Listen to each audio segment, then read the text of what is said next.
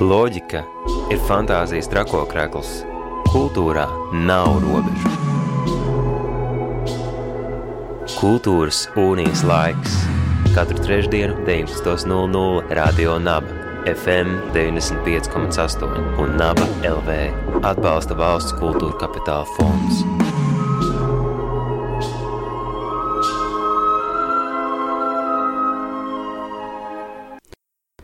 Esiet sveicināti radio naba klausītāji. Ir trešdienas vakars un laiks kultūras unijas laikam, stundai, kurā mēs ielūkojamies un aplūkojam dažādas kultūras un mākslas notikumus. Un šoreiz jāpievēršas kādam ceļojumam laikā un telpā. Un ļoti filozofiskai sarunai šoreiz ar mūsu radio nabu kolēģi, filozofijas doktoru Andri Hiršu, kuram tieši šobrīd, ja jūs klausāties šo raidījumu tiešraidē, notiek grāmatas atklāšana. Savukārt, ja jūs klausāties šo raidījumu ierakstā, tad mēs varam piefiksēt šo laiku un vietu Radio Naba studija. 25. janvāris iznāk grāmata ar diezgan sarežģītu nosaukumu, bet tā izstāsta stāstu par Latvijas pirmo filozofu Jēkabu Osi. Un tas laiks un telpa 19. gadsimta beigas. 20. gadsimta sākums. Jēkabs Osis, pirmais Latvijas uh, filozofs, un beidzot viņa stāsts tiek izstāstīts grāmatā un diezgan apjomīgā arī pētījumā. Sveiks, Andri, un uh, apsveic tevi ar šīs grāmatas iznākšanu, un uh, beidzot uh, Latvijas uh, kultūras telpai iespēju iepazīties ar šo domātāju filozofu Jēkabosi. Pastāst, kas tad ir īsti Jēkabs Osis un kāpēc līdz šim par šo personu, personāliju mēs uzzinām tikai tagad? Jā, tur droši vien ir. Teiksim, tā pirmā jautājuma daļa, kas ir Jēkabs Olas, šajā gadījumā ir atbildēt uz 570, cik nu tur lapā, vai ne? Līdz ar to ir grūti, grūti uz to atbildēt pāris teikumos. Um, pievēršoties uzreiz pārlecot varbūt uz otro jautājumu daļu. Nu, nav, nav gluži tā, ka pilnīgi nekas un nekur un nekad nav rakstīts par, par, par prieka būsi, bet um, ir arī atsevišķi daži raksti, Larisas Čuhinas raksti. Uh, ir vairākas arī manas publikācijas, kas laika gaitā ir uh, tapušas, bet neapšaubām viņš nav bijis nu, tāds uh, centrāls vai daudz kur pieminēts, daudz kur pieminēts domātājs. Tam arī dzēnta varētu būt uh, vairāki aspekti, kāpēc, uh, kāpēc tas tā ir. Uh, viens no viņiem, tas uzreiz tā ir tā diezgan plaša tēma, domājot, nu, jau tika minēts, vai ne, runa ir par 19. gadsimtu otru pusi, 20. gadsimta uh, sākumu. Uh, ja mēs jautātu droši vien cilvēkiem, ar ko viņiem saistās filozofijas vēstures perspektīvā 19. gadsimts, tad visticamāk, kas būtu tie autori, kas tiktu minēti. Kā tev liekas, Anita? 19. gadsimta filozofija. Kas ir centrālie autori 19. gadsimtā? Atklāj nu pats. Jā, es vienkārši pieļauju, ka. Uh, Vairums droši vien teikt, ka tas ir Nīčs, neapšaubāmi tas ir, uh, tas ir Marks vai ne. Uh, Un tas ir iespējams ir nezinu, kādam Schopenhauers vai, vai Kirkegors. Bet ir noteikta tradīcija, ja mēs teiksim, atkal nu, šo pašu jautājumu protu uzdotu no 19. gadsimta perspektīvas, nevis no 20. vai 21. gadsimta perspektīvas, tad 19. gadsimta intelektuālā vide diez vai minēta Marksu vai, vai Nīču vai Schopenhaueru, kas tajā nu, savas dzīves laikā nebūtu nav nu, tādi centrālākie domātāji. Uh, ir noteikta veida tradīcija vai strāvojums, kas attiecās uz 19. gadsimtu, kas vēlāk ir ticis mazāk aktualizēts vai mazāk pieminēts. Tas ir vēlīnais vācu ideālisms. Tas ir ideālisms jau pēc Hēgeļa uh, posmā. Un es domāju, ka kopumā mazliet pazaudējot nu, šo rakursu vai šo stāstu par šo vēl, vēl inovāciju ideālismu, līdz ar to no vēstures grāmatām ir uh, izkritis ārā lielā mērā Jēkabs Osis, arī dzen, viņa pasniedzējs Tērbatas Universitātē Gustavs Teihmulers un virkni citu filozofu, kas pārstāv šo vēl inovāciju ideālismu. Bet uh, vienlaicīgi jāsaka, ka burtiski pēdējās desmitgadēs ir manām pieaugusi interese par šo posmu, par šī posma pārstāvjiem pārstāvjiem, domātājiem. Uh, rietumu pasaulē ir vairākas publikācijas, pētījumi, monogrāfijas, konferences. Tādā nozīmē uh, man arī pat par pārsteigumu, jo, kad sāk strādāt pie šīs tēmas, man nelikās, ka viņa tajā brīdī ir aktuāla. Varbūt pat tajā brīdī, kad es viņu sāku strādāt, un kas jau ir diezgan sen tādā nu, nosacīta sen, vai ne? Nu, kāda, varbūt desmit priekš manis sen. Tādā pasaules mērogā par to varbūt tas arī vēl tik daudz nerakstīja. Tie, kad sāku strādāt pie šī pētījuma, kas bija interesanti nu, šajā pētījuma procesa gaitā, kuras redzēja, ka paralēli tiek publicētas grāmatas, raksti par, par šo pašu, pašu posmu, šī paša posma strāvojumu domātājiem. Līdz ar to man bija sajūta, ka es esmu uh, iekļauts kaut kādā nu, tīklojumā, kas ir diezgan dinamisks tajā brīdī, kad kad, kad es strādāju pie šī pētījuma. Tu jau pats mini, ka diezgan ilgs laiks, laika posms ir pagājis, bet vai tu atceries, kā tu pats pirmoreiz sastapies ar jēka boša vārdu un kā tu izdomāji gan, man liekas, maģistra darbu veltīt viņam, gan arī doktorantūru? Jā, Uh, droši vien pats pirmais brīdis, vai pirmā reize, kad es saskāros ar šo vārdu salikumu, jēkabs osis, bija visticamāk bakalaura līmeņa studijās, kad mums bija kurs Latvijas filozofijas vēsture un uh, Priedīta Kleinhofa profesora, kas vēlāk bija arī man promocijas darba vadītāja. Uh, viņa lekcijās minēja jēkabs osis. Tur tika veltīta atsevišķa lekcija šim, šim domātājam, un uh, es paņēmu un palasīju to, kas tajā brīdī bija pieejams latviešu. Ne pārāk daudz ideju vēstures uh, antoloģijā viens fragments bija. Un tas pirmais iespējas, vai mana reakcija bija tīri dabiska, saprotama reakcija saskaroties ar uh, filozofiskiem tekstiem, ka es nesaprotu. nu, Es arī reizēm saku saviem studentiem, es lasu tos filozofiskos tekstus, jūs e, sajūtaties mazliet stulbi. Tas ir normāli. Tas ir normāli. E, jautājums, ko jūs darat ar šī savu stulbuma vai nesapratnes e, apziņu? Ne, vai jūs mēģināt iedziļināties un saprast, vai ne, vai vienkārši noliekat malā. Un tad savu, savukārt, nu, es šajā gadījumā izvēlējos šo, šo pirmo pirmo uh, metodi vai pieeju mēģināt iedziļināties, mēģināt saprast. Un tad lielā mērā, protams, šis pētījums ir mana. Mana interpretācija neapšaubāmi, un arī mans uh, subjektīvais saprāšanas mēģinājuma process. Kas šobrīd ir rezultējies vairāk nekā 500 lapas pusēs, bet es ticu, ka tie avoti, ko, kam esi gājis cauri, ir daudz, daudz vairāk. Uh, iespējams, um, interesanti Jēkabos šī personība ir ar to, ka viņš īsti Uh, nebija tā centrālā persona Latvijas uh, kultūras telpā. Viņš mm, pastāsta par viņam to darbību un viņas studijām tērbatā, jo drīzāk tā, tā ir saruna par to, kas valdīja tērbatā, nekā, nekā Latvijā. Jā, tā tad. Uh... Ne pavisam atgriežamies ne, pie tādas dzīves gājuma niansēm, teiksim tā, tad Osis ir piedzimis 1000.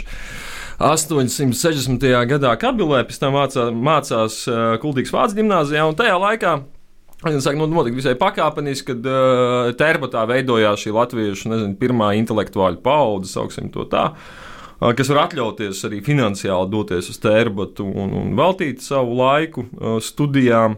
Un tajā laikā tērbata neapšaubām ir vāciska, vāciska vieta, kur būt, jo šis rusifikācijas process īpaši tērbatā notiek ļoti pakāpeniski un galu galā tā pilnvērtīgi norisinās tikai 19. gadsimta pašā, pašā nogalē. Un tajā laikā, kad Ostra studēja, kas ir tāda 19. gadsimta otra puse, studijas notiek vāciski. Nu, principā viss notiek vāciski, profesori tiek aicināti no Vācijas diezgan augstvērtīgi pasniedzēji profesori, jo tērbat var atļauties viņam diezgan labu atalgojumu maksāt. Viņi arī nu, mēģina visādi dabūt šos pasniedzējus no vācu zemēm, teiksim tā.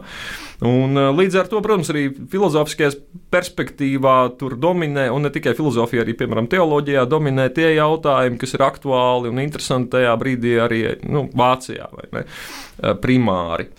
Attiecībā uz Latviju attiecībā uz Latviju ir tā, ka uh, ir, protams, vairāk nu, nozīmīgi aspekti, kuru osis palīdz un studē arī latviešu šos jaunos studentus, kas ierodās. Viņš mēģina viņam tur dabūt stipendijas, uh, dažām labām mēģina dabūt arī pasniedzēju vietu, tērbatā, piesaistīt pie pētniecības. Viņš neapšaubāmi nu, rūpējās par šo latviešu vidi terbatas, terbatas ietvaros. Tajā brīdī, kad 1917. gadā radās ideja izveidot Latvijas augstskolu, tad arī Osis aktīvi iesaistās šajā organizēšanas procesā. Bet nelaime ir tāda, ka viņš eh, nenodzīvo tik ilgi, lai kļūtu par pasniedzēju Latvijā un Latvijas eh, augstskolā. Tāpēc, kad 1917. gadā notiek Tērbats universitātes evakuācija uz Voroņežu, nu, Pirmais pasaules karš tuvojās fronte, mēģina atrast vietu, kas būtu maksimāli tālu, tālāk no frontes, kur varētu turpināt mierīgu šo akadēmisko darbu. Uh, īsnībā tur tas tiek ļoti ilgi, šī evakuācija novilcināta. Principā jau vācieši iet iekšā, un tajā brīdī, viss šis akadēmiskais personāls, arī daudz vairāk simt studentu pārceļās uz Vorņežu. Kur tad Osis piedalās vēl vienas augstskolas dibināšanā un veidošanā, kas ir Vorņežas augstskola. Uh, un, un, un tur strādājot apmēram, nu, nevis apmēram, bet divus gadus, aiziet bojā tīfa epidēmijas laikā. Jo tā cerība, ka tā būs tā tāda mierīga vieta, samērā tālu no fronts nepiepildās, jo Krievijā, kā zināms, sākas pilsoņu karš. Uh, Voroņieži ir vieta, kur aktīvi tur ietiekšā sarkanie, tad ietiekšā baltie, baltos padzeni, ienāk sarkanie, un tur principā katru mēnesi gan izvēle nomainās vara.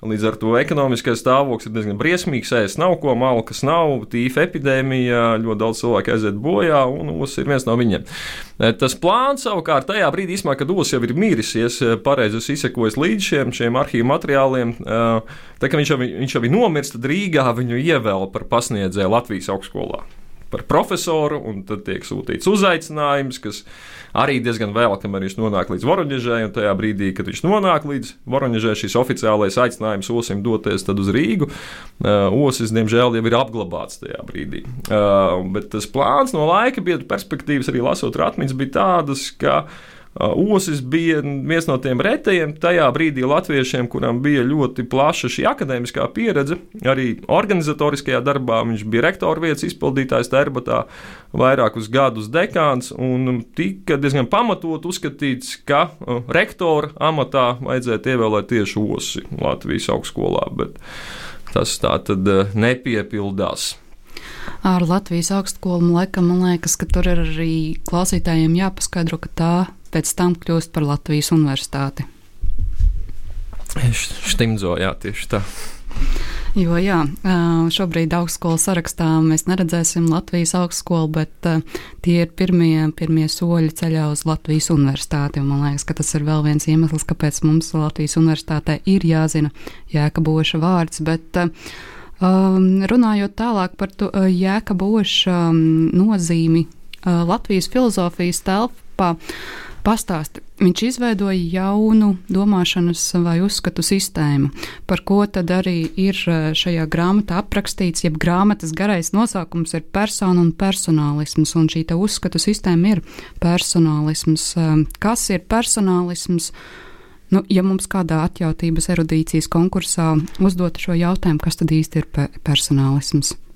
Jā, tūlīt mēģināšu atbildēt arī uz šo ārkārtīgi patiesībā komplicēto, komplicēto jautājumu, nu, nu, uz kuru vienlaicīgi, protams, kur mēģināt atbildēt arī, arī ļoti lakoniskā, konspektīvā formā. Bet vēl viena nianses pie iepriekš teiktā, ko es varbūt gribēju pieminēt, jā, nu, tad tika minēts, kā, ne, Latvijas.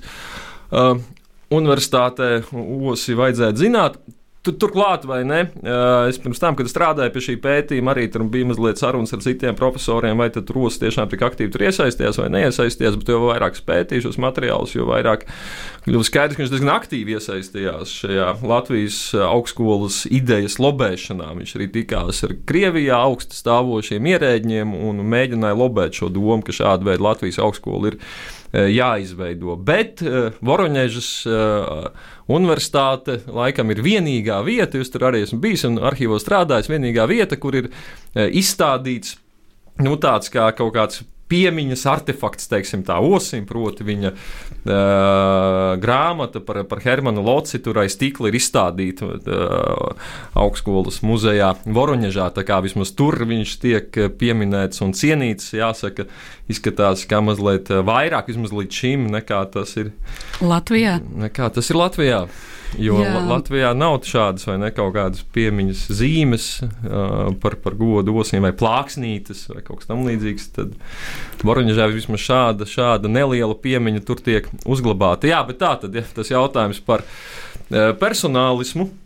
Kā jau minēju, arī līdz šim, kas nu, manās nu, nosacīja, protams, tās nelielas manas varbūt kaut kāds ieguldījums šajā stāstā tādā plašākā mērogā skatoties, manā, manā vērtējumā šis personālisms ir šis atzars vēlīniem vācu ideālismam, un tā ir līdz šim varbūt tās bijusi mazliet tāds problemātisks aspekts, jo, protams, tā Tērbats personālisma skola, kas izveidojās un kur izveido šis no Bāzeles universitātes atbraukušais profesors Gustavs Teihmulers, sapulcinot tur vairāk savu sekotājus un skolnieks, tā skaitā arī, arī, arī Jēkabu, Jēkabu Bosi kultivē šīs vēlīnā vācu ideālisma atziņas, noskaņas.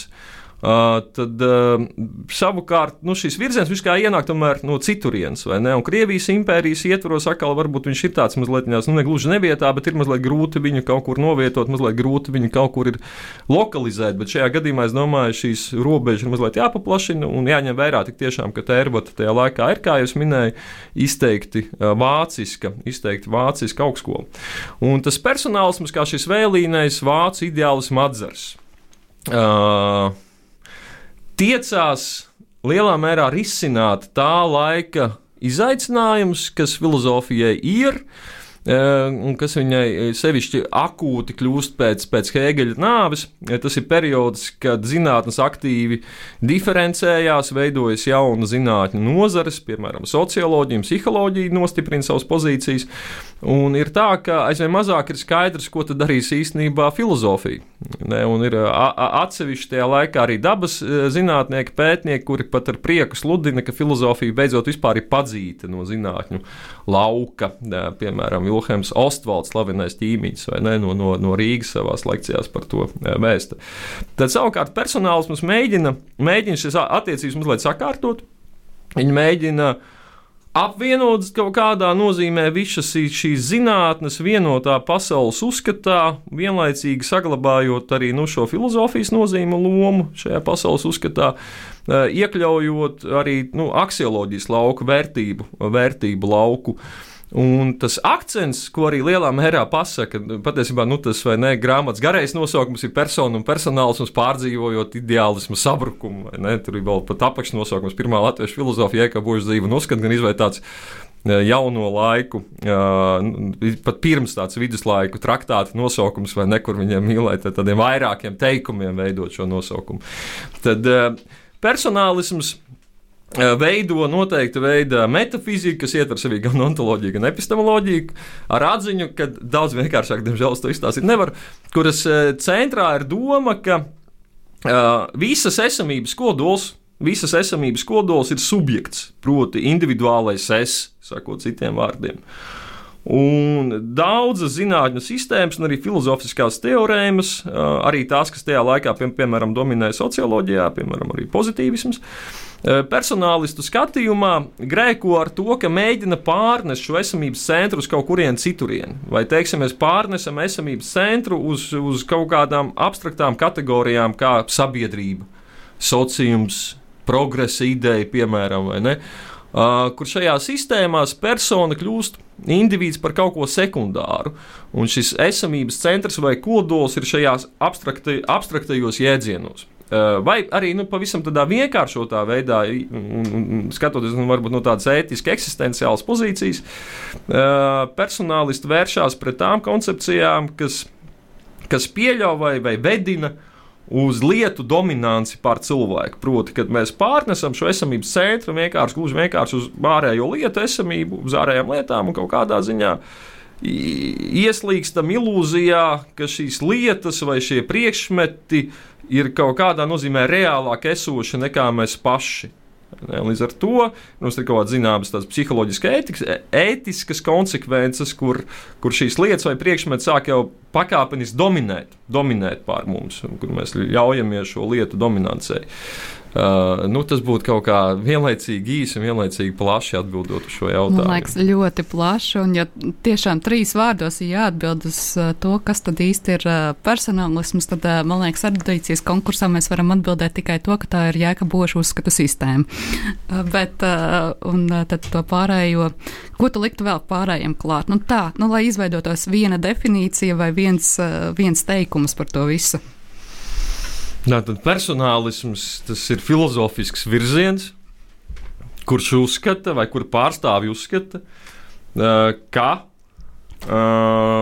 persona ir ontoloģijas centrs vai esamības centrs, ja nepatīk vārds ontoloģija. Un no tā vispārējais lielā mērā arī dzen, pēc tam atvedinās. Kā Osim gāja ar šo visu? Vai viņš eh, tika kritizēts par šo uzskatu sistēmu, vai viņam bija domu biedri, eh, kas atbalstīja, jā, tas ir kaut kas lielisks? Eh, kā, kā viņam gāja ar. Kā laiki. Kā lūdzu? Nu, tā kā laiki, ja mēs runājam par mūsdienu, vai nevis rakstīt Facebookā, tad, o jā, daudz vai, laiku. Vai viņš, jā, tika apsmiets vai atzīts jau tajā laikā? Es domāju, ka īstenībā nu, šie vēlīnie vācu ideālisti, kur atkal, es domāju, tas jāstāsta plašāk, vai ne, tur ir arī Hermans Lots un uh, virkne vēl citu domātāju. Viņi jau apzinās, viņi apzinās, ka viņi īsti Nu, kā lai to dažādi var nosaukt, cerību horizonts vai kaut kā tam līdzīga, tas ceitgaists vai, la, vai laika gars, vai ne latviešu sakot. Viņam apzinās, ka viņi pat, pat, kā, nu, pat spītīgi apzinās un tomēr turpina. Viņi, viņi apzinās, ka viņi netrāpa vai ka nu, šis viņu skatījums neiegūs šo, šo dominējošo lomu. E, un es domāju, Oša gadījumā tas izspēlējās īpaši skumji. Es nezinu, kāds bija viņu, protams, iekšējie pārdzīvojumi. Jo skaidrs, ka tas ir periods, kad 19. gadsimta beigas, 20. gadsimta pats sākums kur sāk dominēt nu, šis marksisms, sāk dominēt dažādas sociālisma idejas, un uh, studenta aprindas ir, ir ļoti uzņēmīgas uh, attiecībā uz šiem jaunajiem domu uh, strāvojumiem. Uh, un, piemēram, ne 1899. Jā, gads, kad ir šie studenti nemieri, kur viņi jau nu, ir salasījušies vai ne šos kaut kādus sociālistu un marksistu darbus, un tad viņi taisa mītīņus, viņam visādas prasības. Uh, tad arī osas tajā laikā pieredze, kā viņa audzēkņi, vai ne, kuriem viņš tieši sludina kaut ko pilnīgi pretēju, tomēr ļaujās uh, marksismam un sociālismam un iziet tur mītiņos un, un, un, un, un protestu gājienos un os tajā laikā. Uh, pat, pat tiekās ar šiem protestējošajiem studentiem, uzklausa viņu prasības un mēģina visu uh, novirzīt mazliet mierīgākās, uh, mierīgākās sliedēs. Teiksim, tā tas izdodas tajā 1899. gadā. Tas ir tā, ka viņš ir rektora vietas izpildītājs. Jo uh, rektors īstais, vismaz pēc dažiem atmiņu teikt, stāstījumiem, diezgan apzināti tajā brīdī vienkārši aizmuts prom no tērbotas, jūtot, ka nebūs pārāk labi. Tad ir piektais gads, vai ne? Arī šī, šī revolūcija, kur arī skaidri apliecinās, ka tomēr nu, ne tikai jauniešu starpā un vidū šis dominējošais uzskats nav personālisms nekādā ziņā. Tas ir marksisms, tas ir pozitīvisms, tas ir sociālisms reālisms. Uh, un arī tad kaut kā tomēr tērbatā viņam izdodas, uh, ne tikai tērbatā, protams, vai ne, tas kaut kā bez, bez tērbats gadījumā tas arī kaut kā bez īpaši būtiskām konsekvencēm pēc tam šis, šī piektā gada revolūcija izspēlējās. Bet tad galu galā vai ne ir šīs pilsoņu karš, kur uh, osis, piemēram, viņš pasniedz Voroņežā, tad uh, ir no sākuma šī filozofijas un vēstures fakultāte, bet pēc gada jau viņi tiek aizslēgti ciet. Tāpēc, ka izskan sūdzības, ka tur netiek nekas vēstīts par marksismu un sociālismu. Skaidrs, ka Osakas to nedara. Uh, un šo augstskolu aizver ciet, un uh, tās vietā izveidot citu sociālo zinātņu fakultāti, kuras tad uzdevums, kā, te, kā tas ir noformulēts, ir audzināt nākotnes sociālismu cēlājus. Ne? Tad ar šo uzdevumu mums ir spiests pēdējā gadā uh, pasniegt lekcijas. Tā kā es domāju, ka viņš ļoti sāsinātā un sāpīgā veidā droši vien kaut kādā ziņā tādos iekšējos pārdzīvo, pārdzīvojumos pieredz to, kad Eh, tas viņa aicinājums paliek nesadzirdēts un arī nepiepildīts. Eh, un tas lielā mērā arī kaut kur izspēlējās šīs grāmatas nosaukumā, vai ne? Jā. Ideālisma sabrukums.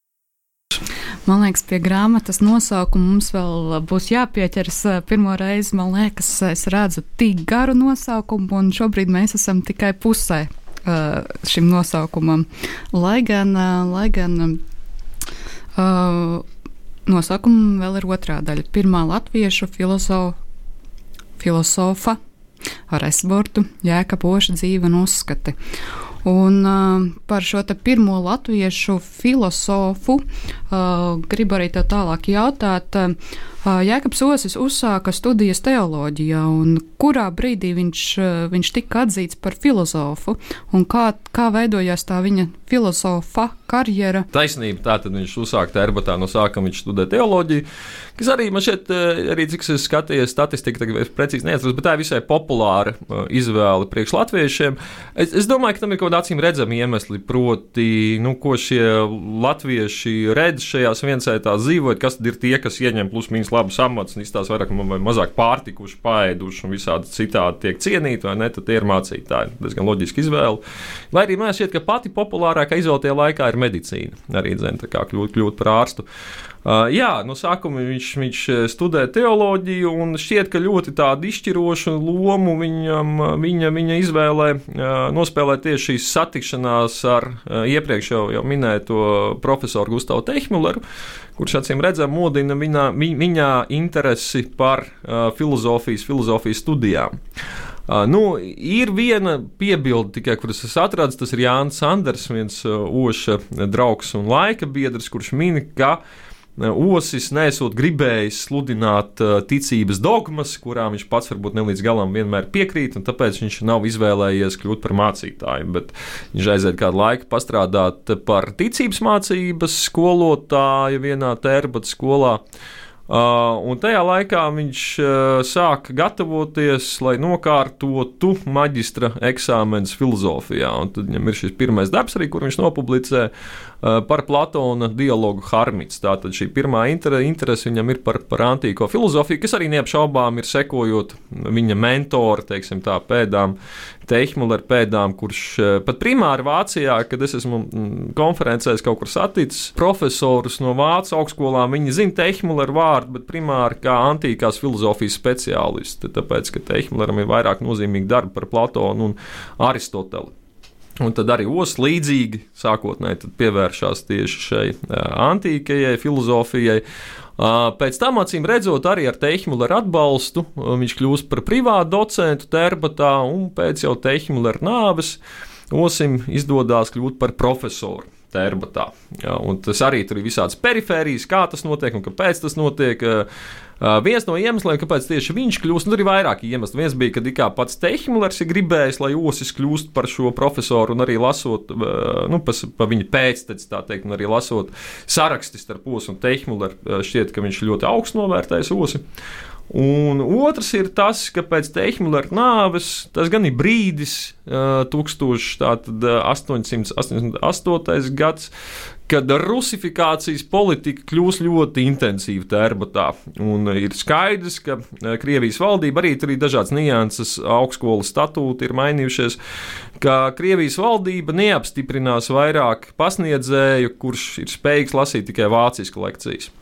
Līdz ar to, lai arī Vācu baltieši taisa protestus un ļoti pret to iebilst, bet Osis ir gatavs uh, krieviski docēt lekcijas, lai arī krievu valoda viņ, viņam arī tajā brīdī nav īpaši spēcīga, pat cik viņš bija studējis vāciski. Un gal galā arī tur ir ilgs perifērijas, tur ir nomelnošanas kampaņas presē, kur tad uh, Oša maģis darbs par Leibnicu teikt, tas ir, ka tas nekam neder un ka Os neko nesaprot par filozofiju, tur parādās šāda veida raksti. Vācu baltu presē, Krievu presē arī dzen parādās ka mm, osis ir pārāk nacionāli noskaņots un ka tas viss ir ļoti bīstami, ja viņš kļūst par profesoru.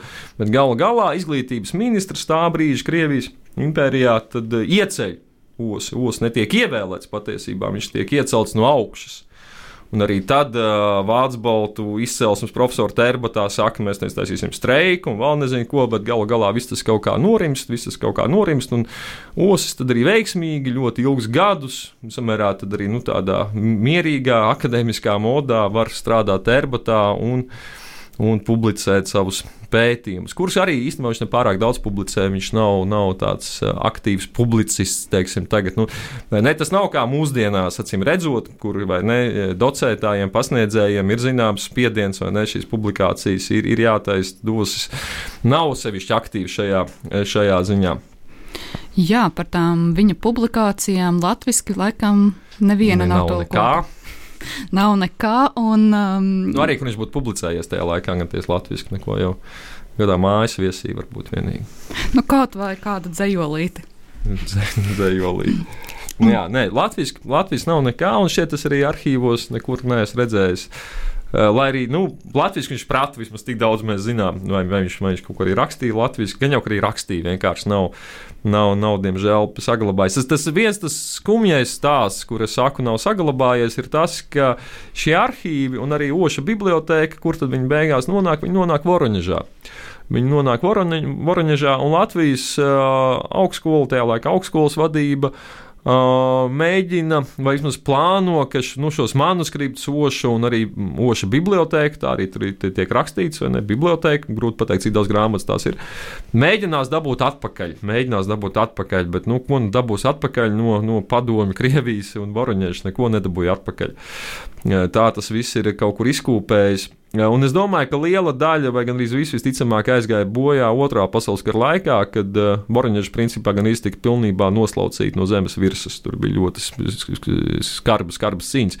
Lai arī atkal mūsdienās ir Voroņģeļas pilsētas uh, bibliotekās var atrast vairākas grāmatas, kuras es esmu visai droši, ka ir īstenībā nu, tādi pārpalikumi no, no Oša bibliotekas. Un tur, piemēram, ir tāda ļoti specifiska, tur ir franču domātājs, nepārāk pazīstams, savā laikā vairāk vai mazāk atpazīstams uh, Tenerī, uh, kas bija Oša sarakstas biedrs, kur viņi sarakstījās un diskutēja par Platona filozofiju. Visticamāk, nu, no kurienes Voroņežā būtu nonākušas tam franču valodā, uh, franču filozofa tenerī darbi.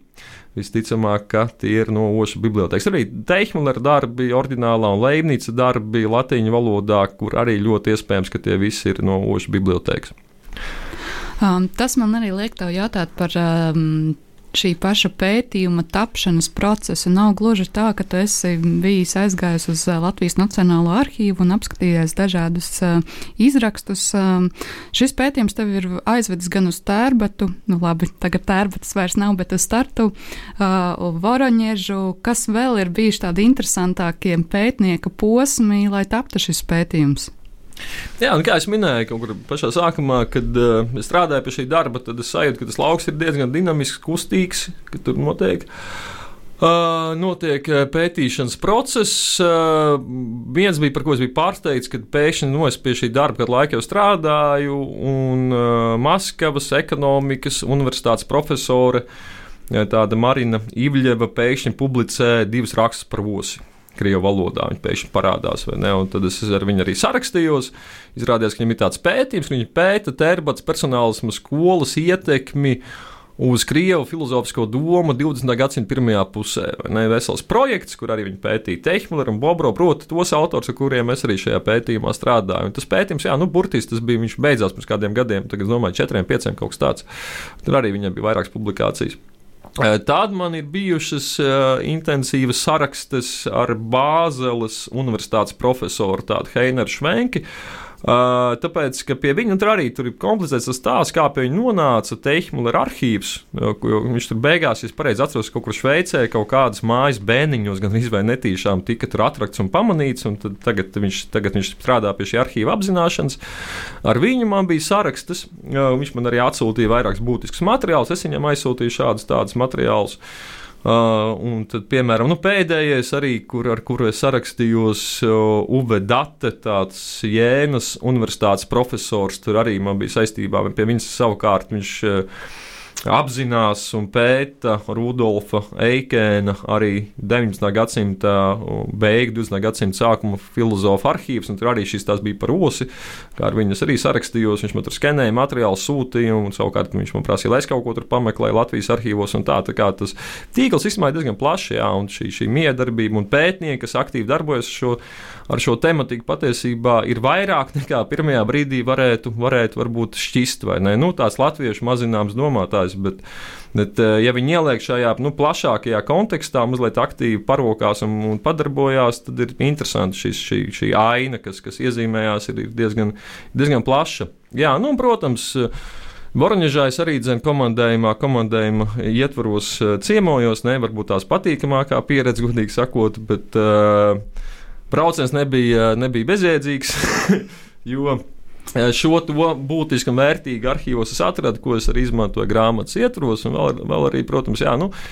Doktorantūras ietvaros vienu semestri arī nu, nostudēju, nostudēju Terbatā, nu, labi, teiksim, Tartu, kur, kur arī pasēdēju arhīvos, arī komunicēju ar, kolēģiem, kur arī Tartu darbojās ar šādu, šādu veidu tēmām, tādu ideju vēsturu, intelektuālo vēsturu, kur arī izrādīja interesi. Pēc tam arī vēlāk nopublicēju tur Tartu akadēmiskajā žurnālā rakstu, rakstu prosi. Kaut kā tā. Man liekas, tiešām apjomīgs darbs ir veikts. Vairāk nekā 500 lapas puses un ļoti daudz atsauces, jeb zemesvītras piezīmes, kuras ved uz dažādām, dažādiem avotiem. Bet arī fot dažām fotografijām, kas ir saglabājušās par Jēkabu Osša kaut kādām dzīves gaitām. Bet tu jau pieminēji šo skaudro, skaudro likteni, ka Latvijā šis vārds ir pat nav ar plāksnīti atzīmēts. Un man liekas, ka tas visbēdīgākais stāsts ir par viņu dzimtajām mājām, par kurām, man liekas, arī raidījumā fonogrāfs ir skanējušas dažādas atsauces. Bet, un savā ziņā tas ir kā seriāls, sekojot līdzi gan fonogrāfa gaitām, gan šīm te uh, jēkaba oša dzimto māju gaitām. Kāds ir stāsts tagad, vai tā plāksnīte ir pielikta vai nav? Jā, īstenībā man ir plāns. Es neesmu līdz galam visu saplānojis un saorganizējis, teiksim tā. Sarakstījies esmu tādā, tādā plānu, plānu ietvaros. Pēc tam, kad tāda, nu, jā, pēc šīs grāmatas prezentācijas Rīgā, aizbraukt arī uz Kabili, noprezentēt tur. Es ceru, ka būs kam. Es ceru, ka būs kam. Plāksnītes joprojām, joprojām, diemžēl, joprojām, diemžēl nav. Nu, varbūt taps, varbūt taps.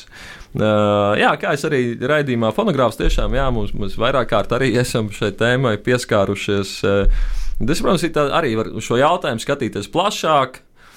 Jautājums, ar ko mēs veidojam šo pašidentitāti, nacionālo identitāti vai ne, vai, vai, vai tie ir tikai, piemēram, dziesmu vai dēļu svētki, vai, vai, vai tomēr mēs mēģinām šajā identitātē ielikt arī vēl šo to uh, citu. Jā, Nezinu, ko tur vēl, ko tur vēl piebilst pie šīs, pie šīs eh, skumjās, eh, skumjās nots. Bet tā arī nu, runa ir par kabili, un savukārt kabilai arī nu, taisnības labāk jāsaka, viņiem jau arī netrūkst. Eh, tur, piemēram, Mērovica dzimta vai ne, ir, ir no kabilas, un turpat arī netālu tur Jūsmīs Lautenbaks un dažs labs rakstnieks un tā. Nekā, tur ir tādi vairāki intelektuāļi, kas, kas nāk no, no, no, no, no turienes. Bet tikai viens loģiski, tikai viens pirmais latviešu filozofs. Jā. nu, jā, man liekas, ka tas pirmais jau gana no, ir gana nozīmīgs vārds, lai atzīmētu to, ka Latvijā ir um, filozofi un filozofi, un um, ka tam kaut kādā veidā jābūt arī atzīmētam Latvijas kultūras kartai kā tādā, un ja mums ir jāatcerās, nu, dažādi personāži, tad eh, nu, kāpēc mums nevajag atcerēties pirmo Latvijas filozofu? Bet jautājums par tiem filozofiem un filozofiem.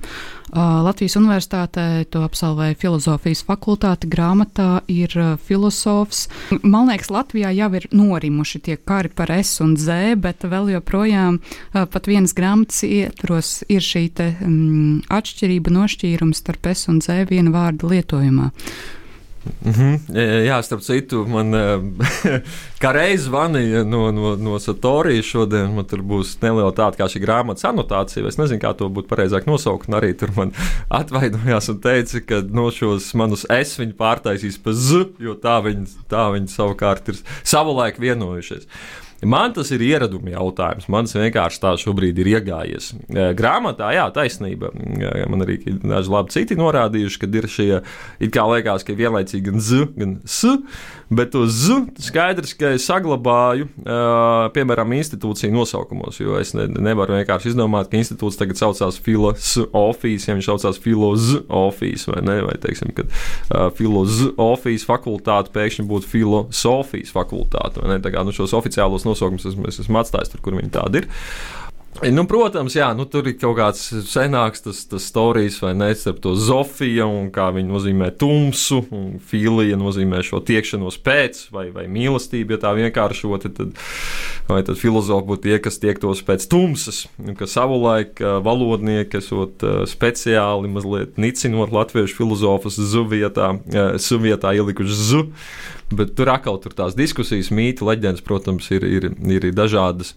Uh, ir arī, protams, versijas, tā domāju, no kurienes es, viņu, es to atceros. Iespējams, ka tas ir no, no uh, Ansis Zunda, kurš teica, ka šī uh, vecākā filozofa paudze mēģinot tikt. Uh, vaļā no padomju mantojuma ir sākusi rakstīt filozofiju ar S. Un savukārt tāds saka, ka viņš neatsakās no savas padomu laika pieredzes un tik un tā rakstīs Z. Man savukārt ar to nekāds sakars, vai ne? Padomu laikos vēl, vēl, vēl nestudēju un neplānoju studēt. Bet jā, nu, tas ir tāds ieraduma jautājums, es nu, nezinu. Labi. Man liekas, ka šobrīd, lai katra, katrs paliek pie šī sava, apzināmies to, ka nu, institūtu un institūciju nosaukumus mēs nemainīsim. Atgādinu klausītājiem, ka mēs šobrīd sarunājamies ar filozofijas doktoru un jaunas grāmatas autoru personu un personālismus pārdzīvojot ideālismu sabrukumu pirmā latviešu filozofa Jēka Boša dzīve un uzskata. Jā, tas tiešām ir viens grāmatas nosaukums un grāmatu jau šobrīd var atrast lielākajās grāmatnīcās.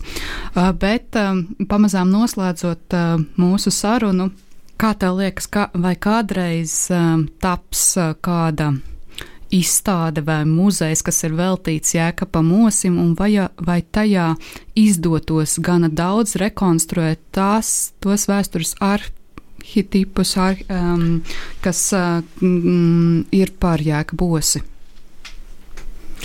Jā, nu, protams, uh, zīmēt uh, nākotnē nekad nav sevišķi pateicīgs. Uh, pateicīgs uh, uzdevums. Uh, Nu, redz, jā, vai ne? Tās dzimtās mājas, tur tad, uh, tur tad ir iestājies šis sabrukums. Uh, Ja, savukārt, kā man teica redaktori manas grāmatas, tomēr ar šo grāmatiņu arī zināms piemineklis, un es teiktu, varbūt piemineklis neliels osim, osim ir, ir uzcelts. Bet viens, jā, varbūt arī nu, tā noslēdzot, neapšaubāmi, uh, lai arī pētījums ir, ir apjomīgs, ne visi stāsti arī šeit ir izstāstīti. Uh, šo to es apzināti arī dzen, neesmu, neesmu iekļāvis. Uh, nu, Trakā, piemēram, viena nianses ir par oša dzimtas koku. Uh, un viņa radiniekiem. Tur arī tas ir specifiski. Tur es ilgi, ilgi ņēmos, bet uh, beigās tādu galēju apstiprinājumu atbildi īsti neatradu. Proti, Osim bija dēls, Aleksandrs Osis, kas bija ārlaulības dēls. Tas bija dēls, ko viņš adoptēja, lai formāli nokārtotu šīs tiesības, mantojuma tiesības. Un ir tā, ka uh, viņš ir Voroņģežā, tas dēls, un šī dēla māte arī ir Voroņģežā. Gan Jēkabs Ulas nomirst, gan gan šī dēla māte nomirst, tad um, Aleksandrs paliek viens, vēlāk viņš ir Rīgā.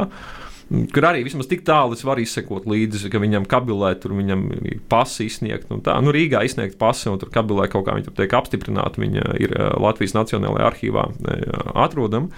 Uh, jautājums, kas notiek pēc tam, un tur līdz galam vismaz tik tālu, cik es esmu rekonstruējis, viņš nonāk Vācijā, un pēc tam viņš nonāk Amerikā. Tā ir mana versija, un vairāk vai mazāk es esmu arī sarakstījies Amerikā ar vairākiem iespējamajiem šīs dzimtas koka turpinātājiem un pārstāvjiem. Lai arī, arī nu, tur kaut kā ir sarežģīti, vai nu man ir gadījies uzķerties uz, uz ārkārtīgi veciem jau cilvēkiem, kuriem savukārt ir komplicēti. Viņi kā grib sūtīt vēstules, bet viņi kaut kā nemāķi adresi pareizi uzrakstīt, tad tās vēstules līdz manim nenonāk. Un ir bijuši arī Facebook sarakstas, kas ir tādi mazliet jaunāki. Bet beigās es jā, par šo dzīves koku šajā grāmatā nestāstu, tāpēc, ka, kā jau teicu, man kaut kā līdz galam likās, ka tādu apstiprinājumu, to kopējo tādu ainu man, man neizdevās, neizdevās iezīmēt. Teiksim, tu, tur tu, tur tā, ir tas stāsts, kas ir neizstāstīts. Tad ir stāsts par iespējamiem kaut kāda oša manuskriptiem, varbūt kaut kur Voroņēžas arhīvā, tur LRATā, kurā plauktā viņi tur kaut kur putekļos ir vai ne. Bet, nu, tagad, protams, ņemot vērā šī brīža visādas apstākļus, braukt uz Voroņēžas, pētīt arhīvos ir, ir mazliet komplicēti. Varbūt paies laiks, un šī politiskā situācija mazliet nomierināsies, mainīsies. Un, un tā. tā kā es pieļauju, ka vēl šis un tas, šis un tas varētu nākt arī eh, nākotnē, nākotnē vēl, vēl gaismā. Tā tad Nevis būs arī izstāstīt. šīs grāmatas otrā daļa, eh, iespējams, uz pusi biezāka. Nu, to es tev novēlētu. Labi, jā, paldies. Bet vēl, vēl pats pēdējais jautājums. Ko tu gribētu, lai ik viens, kas šobrīd klausās, atcerās par jēga posu? Ko ik viens, kas klausās, lai atcerās. Es netik daudz, nu, tie, kas klausās, es varbūt negribētu tik daudz, lai viņi, viņi varētu izlasīt kaut ko. Tas varētu būt mans aicinājums. Protams, nu, šis visu laiku tā šilta, pirmais filozofs, pirmais filozofs, man liekas, viņa vienā brīdī kaut kur pat kļūst varbūt traucējoša. Vismaz man kaut kā intuitīvi tā likās, jo, nu, pietiek ar to, ka mēs uzliekam šo etiķeti, vai ne, pirmais latviešu filozofs, nekā mēs kaut ko jau zinām, vai ne, kā mēs viņu kaut kā esam kate kategorizējuši. Bet, bet, bet es tieši aicinātu mēģināt, mēģināt iedziļināties. Un tas mans ieteikums, un tas, kas man eh, personīgi nu, arī tāds subjektīvi kaut kādā, protams, nozīmē, Tās lekcijas epistemoloģijā, lekcijas epistemoloģijā, kuras es esmu pārtulkojis no krievu valodas un šajā grāmatā iekļāvis, tās ir kaut kāds labs puses 60 apmēram, laikam sanāk, tagad es skatos. Es ieteiktu, ja ir interese par filozofiskiem jautājumiem, um, esamības jautājumiem un lielajiem izziņas jautājumiem, izlasīt šīs epistemoloģijas lekcijas. Man viņas tiešām likās diezgan augstvērtīgas un interesantas arī no mūsdienu perspektīvas skatoties. Tā kā jā, es, es ieteiktu lasīt.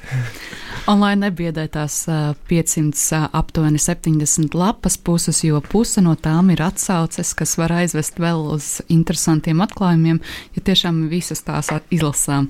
Paldies par viesošanos un šo sarunu. Atgādinu klausītājiem, ka šovakar pie mums radio Naba studijā viesojās Andris Hiršs, filozofijas doktors un arī raidījuma fonogrāfs viens no veidotājiem. Loģika ir fantāzijas trakokrekls. Kultūrā nav robežu. Kultūras unijas laiks katru trešdienu, 19.00 Radio Naba, FM 95,8 un Naba LV atbalsta valsts kultūra kapitāla fonds.